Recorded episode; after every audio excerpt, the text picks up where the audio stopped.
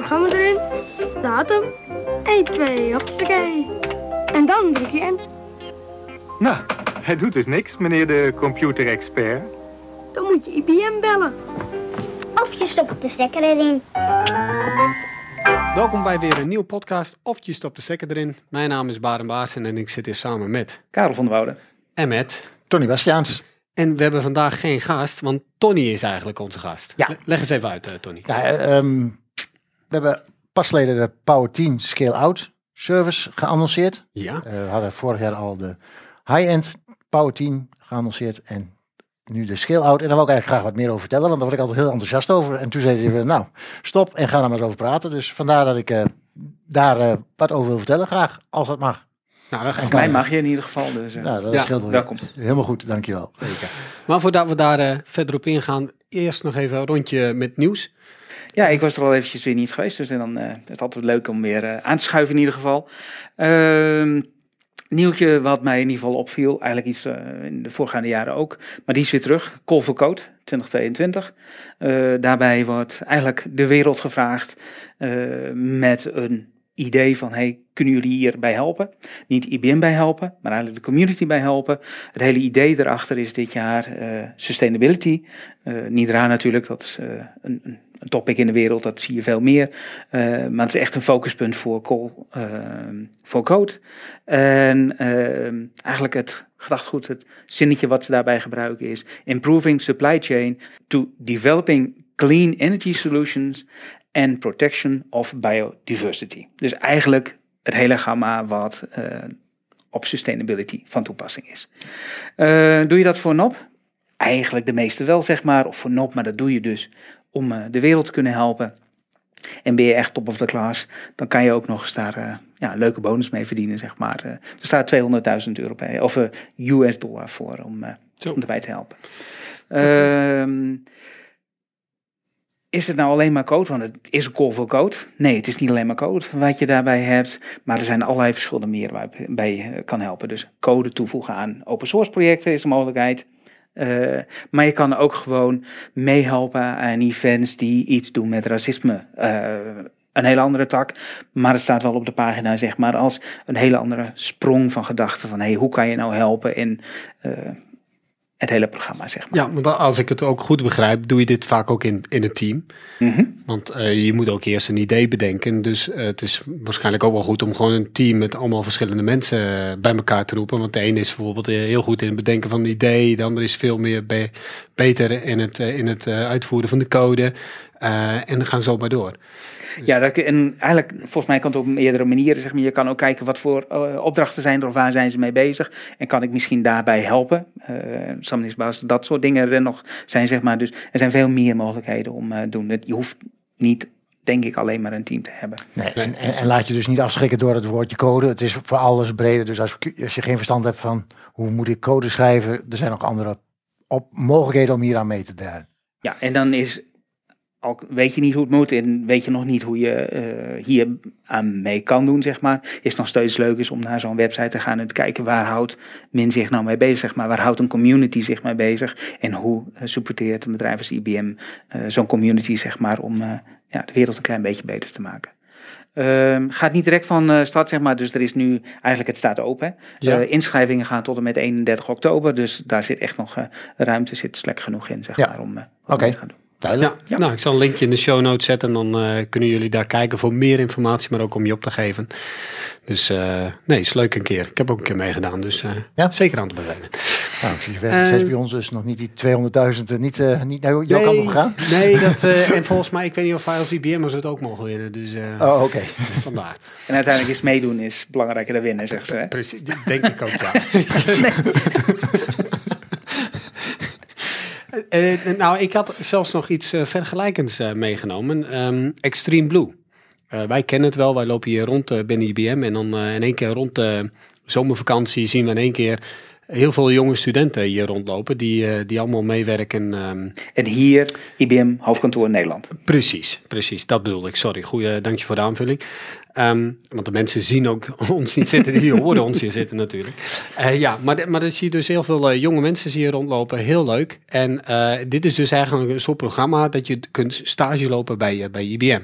En IBM heeft dan een aantal casussen klaar liggen waar jullie als studenten ja, over na kunnen denken om dat probleem eventueel op te kunnen lossen. Het is echt iets wat IBM al meer dan twintig jaar doet. Waar we ook echt eh, hele extreme en leuke voorbeelden naar voren hebben eh, zien komen eh, van, van, van studenten die dat bedacht hebben. En daar dus gewoon een volle twaalf weken aan werken. Dat is echt heel leuk. Het is ook even verspreid over wel tien verschillende landen. Dus je kunt je op meerdere dingen inschrijven. Ja, en zo, zo nog veel meer. IBM heeft er ook een hele mooie webpagina aan gewijd. Waar je echt allerlei informatie kan vinden. En waar je dus ook eh, ja, jezelf kan, eh, kan aanmelden daarvoor. Als je goed begrepen hebt, het gaat zelfs zover dat er soms zelfs patenten uitkomen, toch? Uit dit soort zaken. Ja, ja zeker. Eh, elke keer dan, eh, ja, want op zich worden die studenten worden wel zo ver gedreven om echt out of the box te denken. Ja. Dus kom eens met een idee om dit probleem op te lossen. En een beetje net zoals dat call for code, wat je net zei. En hier ook, hier, ook gewoon een casus. Dit is het probleem van bijvoorbeeld een grote bank. Ik noem maar eventjes wat.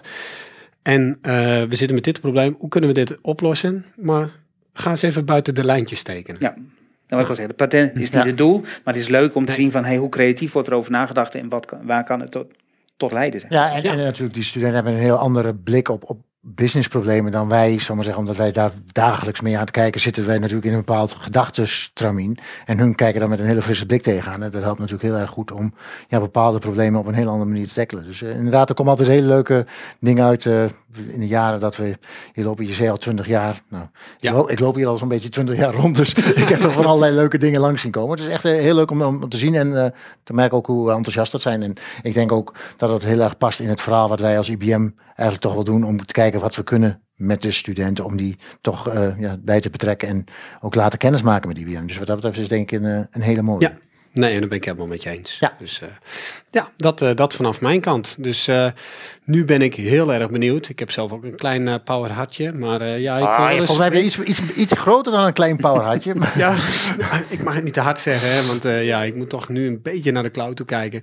Maar Tony, vertel eens. We hebben nu de, de zoals jij het noemde, de scale-out modellen. Eh, ik denk dat dat voor de luisteraars ten eerste al een beetje uitgelegd moet worden. Want we hebben in iets van tien maanden geleden hebben we de E1080 gehad. Ja. E staat voor Enterprise. Correct. Eh, dus we hebben al een beetje de nieuwe Power 10 hebben we al een beetje kennis mee kunnen maken. Maar nu zeg je zijn er scale-out modellen. Ja. Wat Nou, bedoel je daarmee? De, de, de E1080, zoals jij het zegt, de Enterprise, dat is de, onze vlaggenschip van de Power 10 server. Dat is echt een hele grote box. eh, maximaal 248 cores volgens mij.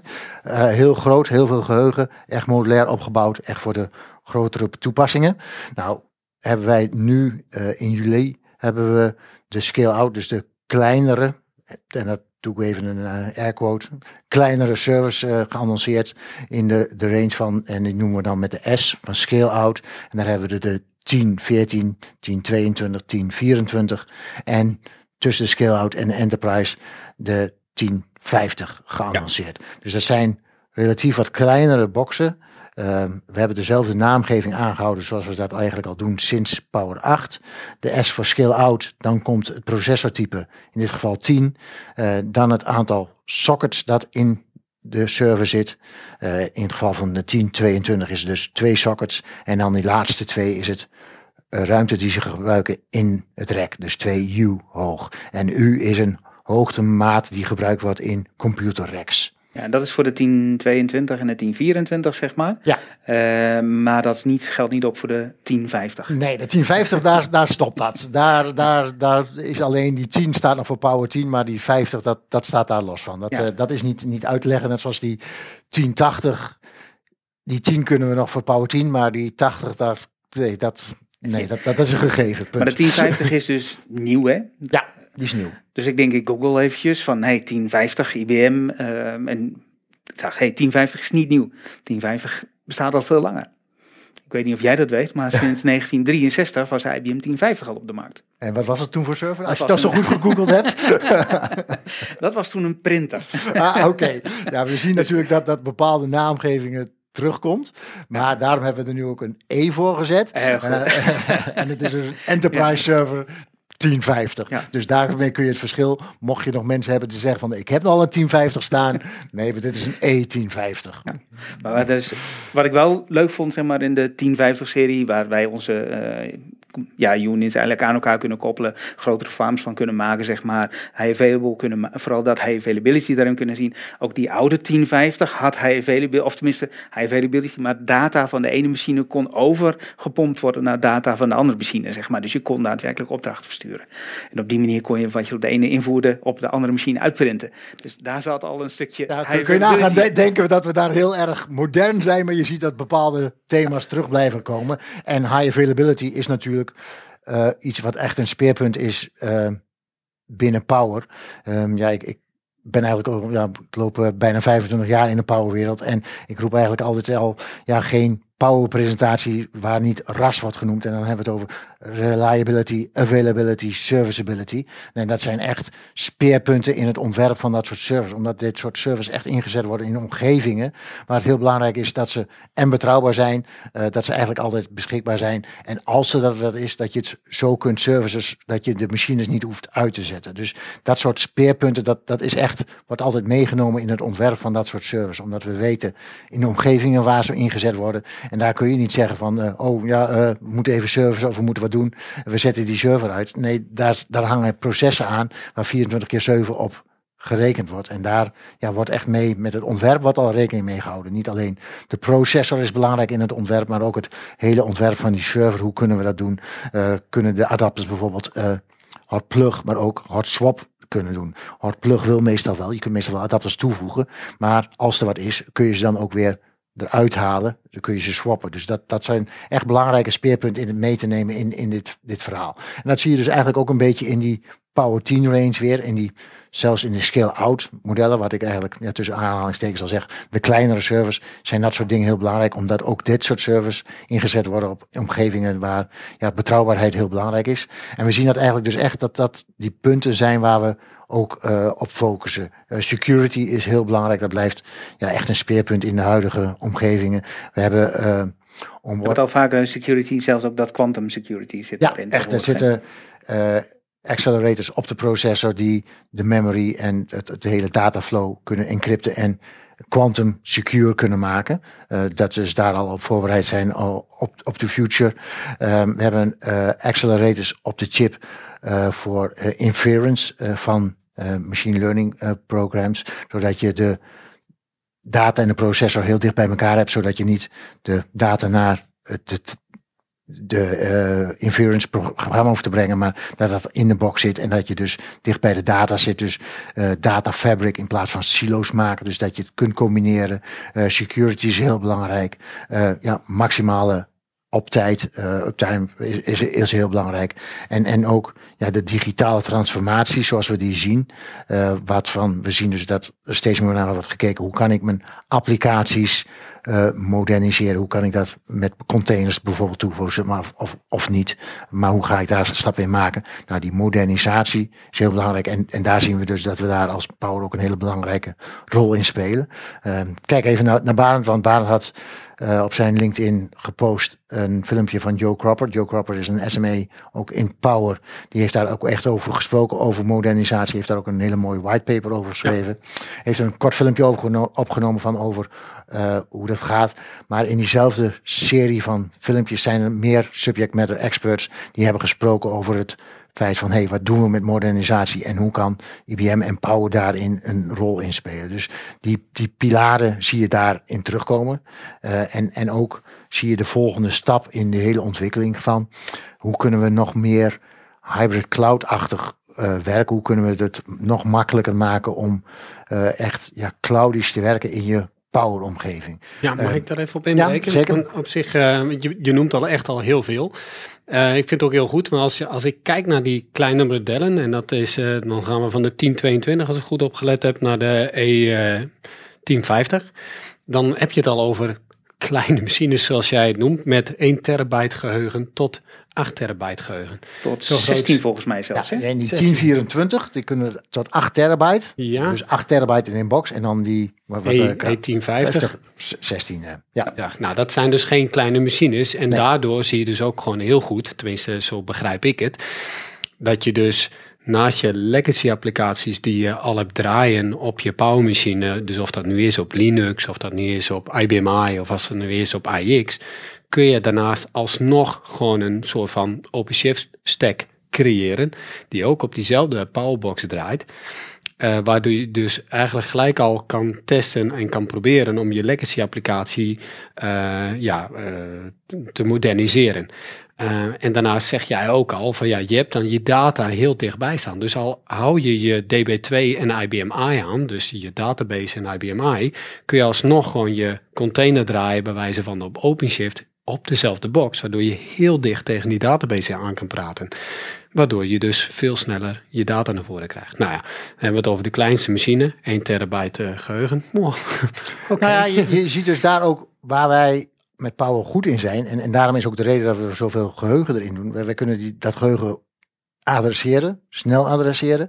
En je ziet eigenlijk dat heel veel database leveranciers, applicatiebouwers die met database gebruiken, steeds meer in memory willen doen. Ja. En dan is het juist belangrijk dat je dus een groot memory kunt aansturen, maar ook snel kunt aansturen. En, en in die trend ja, adresseren wij dat met ja, 8 terabyte in een 1024 bijvoorbeeld. Dat zijn dus echt grote getallen, maar dat is echt omdat we zien dat daar een, een plek is waar wij als eh, Power het verschil kunnen maken. En, en, Ja. en dat ook doen. En dat ook erkend worden door, door klanten die dat doen. En ja, in diezelfde lijn hebben we een nieuw world record, eh nieuw benchmark gehaald eh, voor de 1050. eh, waarop de SAP HANA op 1050 is getest. En daar hebben we een nieuw benchmark record eh, gehaald. Oké, dus, ja. dus zien we daarop. Dus je ziet daar echt mooie, mooie stappen.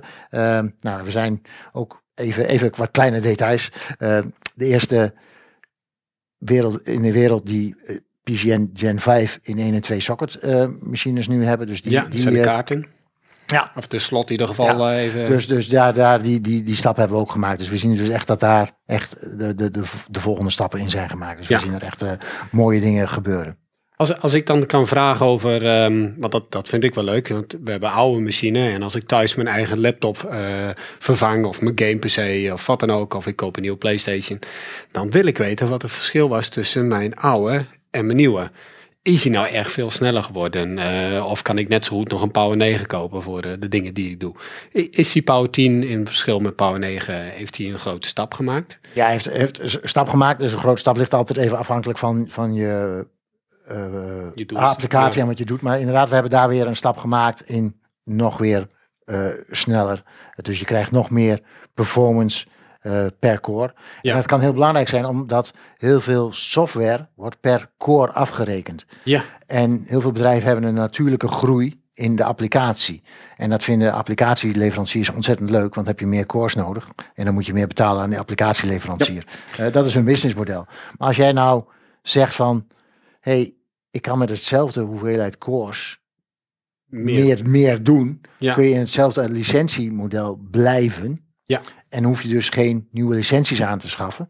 Zeggen ze tegen mij, ja, maar je moet wel een nieuwe machine aanschaffen. Ja. Eh, hardware lijkt duur, maar als je dat vergelijkt met de licenties, is meestal eh, de hardware niet de grootste kostenpost. En ik weet gewoon van concreet van klanten die hebben echt, in, toen ze de stap van 8 naar 9 hebben gemaakt, doordat ze die stap hebben gemaakt naar een nieuwe generatie Power 9, konden ze dezelfde hoeveelheid cores gebruiken. En hadden ze de business case in negen maanden rond dat die justificatie van die hardware er weer uit was. Ja. Dus je ziet dus echt dat daar die stappen. Dus het kan echt wel heel interessant wezen om daar naar te kijken. eh, wat voor stappen kan ik daarop maken? En ook het, het verhaal ehm, verder daaromheen. Nou, misschien nog even inschepen op het stukje van hey, hoe eh, verhoudt zich nou? Er zijn ook gewoon hele tabellen die we hebben om relatieve performance te kijken van een Power 8 naar een Power 9 naar een Power 10. Ja. Dus eh, we hebben dat inzicht, zeg maar. En dat hoeven we niet alle, alle getallen niet kritisch zijn, maar nee. heel duidelijk dat. eh, Precies, precies. En eh, als klanten dat ook willen weten, dan kunnen we dat ja, soort dingen ja, en, en jij, jij inderdaad de rel- relatieve performance, dat zijn de RPR-waardes. Ehm, even voor mijn IBM i-luisteraars ook tevreden te houden. RPF-waardes is gebruiken we in de AIX-wereld. Ja. de IBM i-wereld werkt met CPW-waardes. En we dus zullen die- de volledige betekenissen even opzoeken en in de show notes zetten. Ik maakt niet. wat makkelijker relatieve performance. De CPW, die ken ik zelf ook niet. Dus Nee, maar dat is in de IBM i-wereld wordt met CPW-waardes Ja. gewerkt. In de AIX-wereld wordt met RPF-waardes eh, gewerkt. Dus, Ja. dus En het, het is een beetje de vergelijking, want we noemen nu eventjes geen cijfers, maar dat ligt er even aan vanaf welke machine je naar welke machine toe gaat. En dat heeft met elkaar te maken wat voor sprongen je daarin gaat maken. Maar als we een hele grove eh, nummer moeten zeggen, is het dan, eh, ben je dan twee keer sneller bijvoorbeeld? Of, ja, je ziet bepaalde app- applicaties echt die, die, twee keer... eh, Ja, maar wat ik uit van IBM heb begrepen is, is als wij een nieuwe, de nieuwe Power 10 proberen we te maken met de doelstelling om 30% sneller te zijn dan zijn voorganger. Ja. En op zich zijn die op bijna alle punten wel gehaald. Ja, die, Ja. die, die, die, die sprong maken we. En je ziet dus echt, als je dus kijkt naar andere voorgaande generaties die ook nog gewoon goed draaien bij klanten, Ja. is die performance winst echt veel, veel groter. Eh, en, en dat kan, zou maar zeggen, ook even weer teruggrijpen naar die code van eh, Karel van Hey Sustainability. Ja, dus je kunt, als je dus die sprongen kunt maken met performance, kun je dus ook meer doen met minder computer resources. Minder computer resources, minder stroom nodig, minder eh, ruimte nodig in je datacenter. En kun je dus makkelijker je sustainability doelstellingen misschien van je bedrijf eh, daarmee bereiken. Nou, eh, hij heeft mij wel eh, gepakt, moet ik zeggen. Nou Ik ja, ik even, ben- even, even, even, even, wel even Ja. ehm, IBM Redbooks, eh, bekend fenomeen. Er zijn ook gewoon Redbooks uit van de nieuwe Power, eh is goed. eh, Ja. Power 10's. Dus die link zal eh Baarden ook even toevoegen. Die performance zijn allemaal terug te vinden in de performance report. Is ook een nieuwe versie van. Kun je Ja. al je oude versies nakijken. Tot en met 7 staat er gewoon in. Dus die dingen zijn er gewoon op. En ja, onze website is natuurlijk ook up-to-date. Dus alle nieuwe systemen kun je daar ook gewoon in terugvinden. En Ja. kijk daar ook naar. En mocht je vragen hebben, aarzel niet, eh benader ons en we komen het graag vertellen. Nou, dat ga ik zeker doen. En eh, om maar een teaser af te geven, als hij in de, als je in de cloud eh, beschikbaar is, dan zal ik hem maar eens even, even goed uittesten in ieder geval. Maar dat, dat laat ik wel je. even zien op mijn LinkedIn. Dat komt helemaal goed. Ja. Jongens, hey, bedankt weer voor het luisteren. Ik vond het zeer interessant. Dankjewel Tony voor de Graag gedaan. En nou, wij, wij trekken hier bij eh, de stekker er weer uit. Tot de volgende keer. Tot de Nou, en volgende eh, bij die Power 10 zijn ze meestal dubbel uitgevoerd. Dus je moet er twee stekkers uittrekken. Hè? Want anders... Ja, of als je er eentje koopt, stop dan de stekker erin. ja, tot de volgende keer. Tot de volgende keer.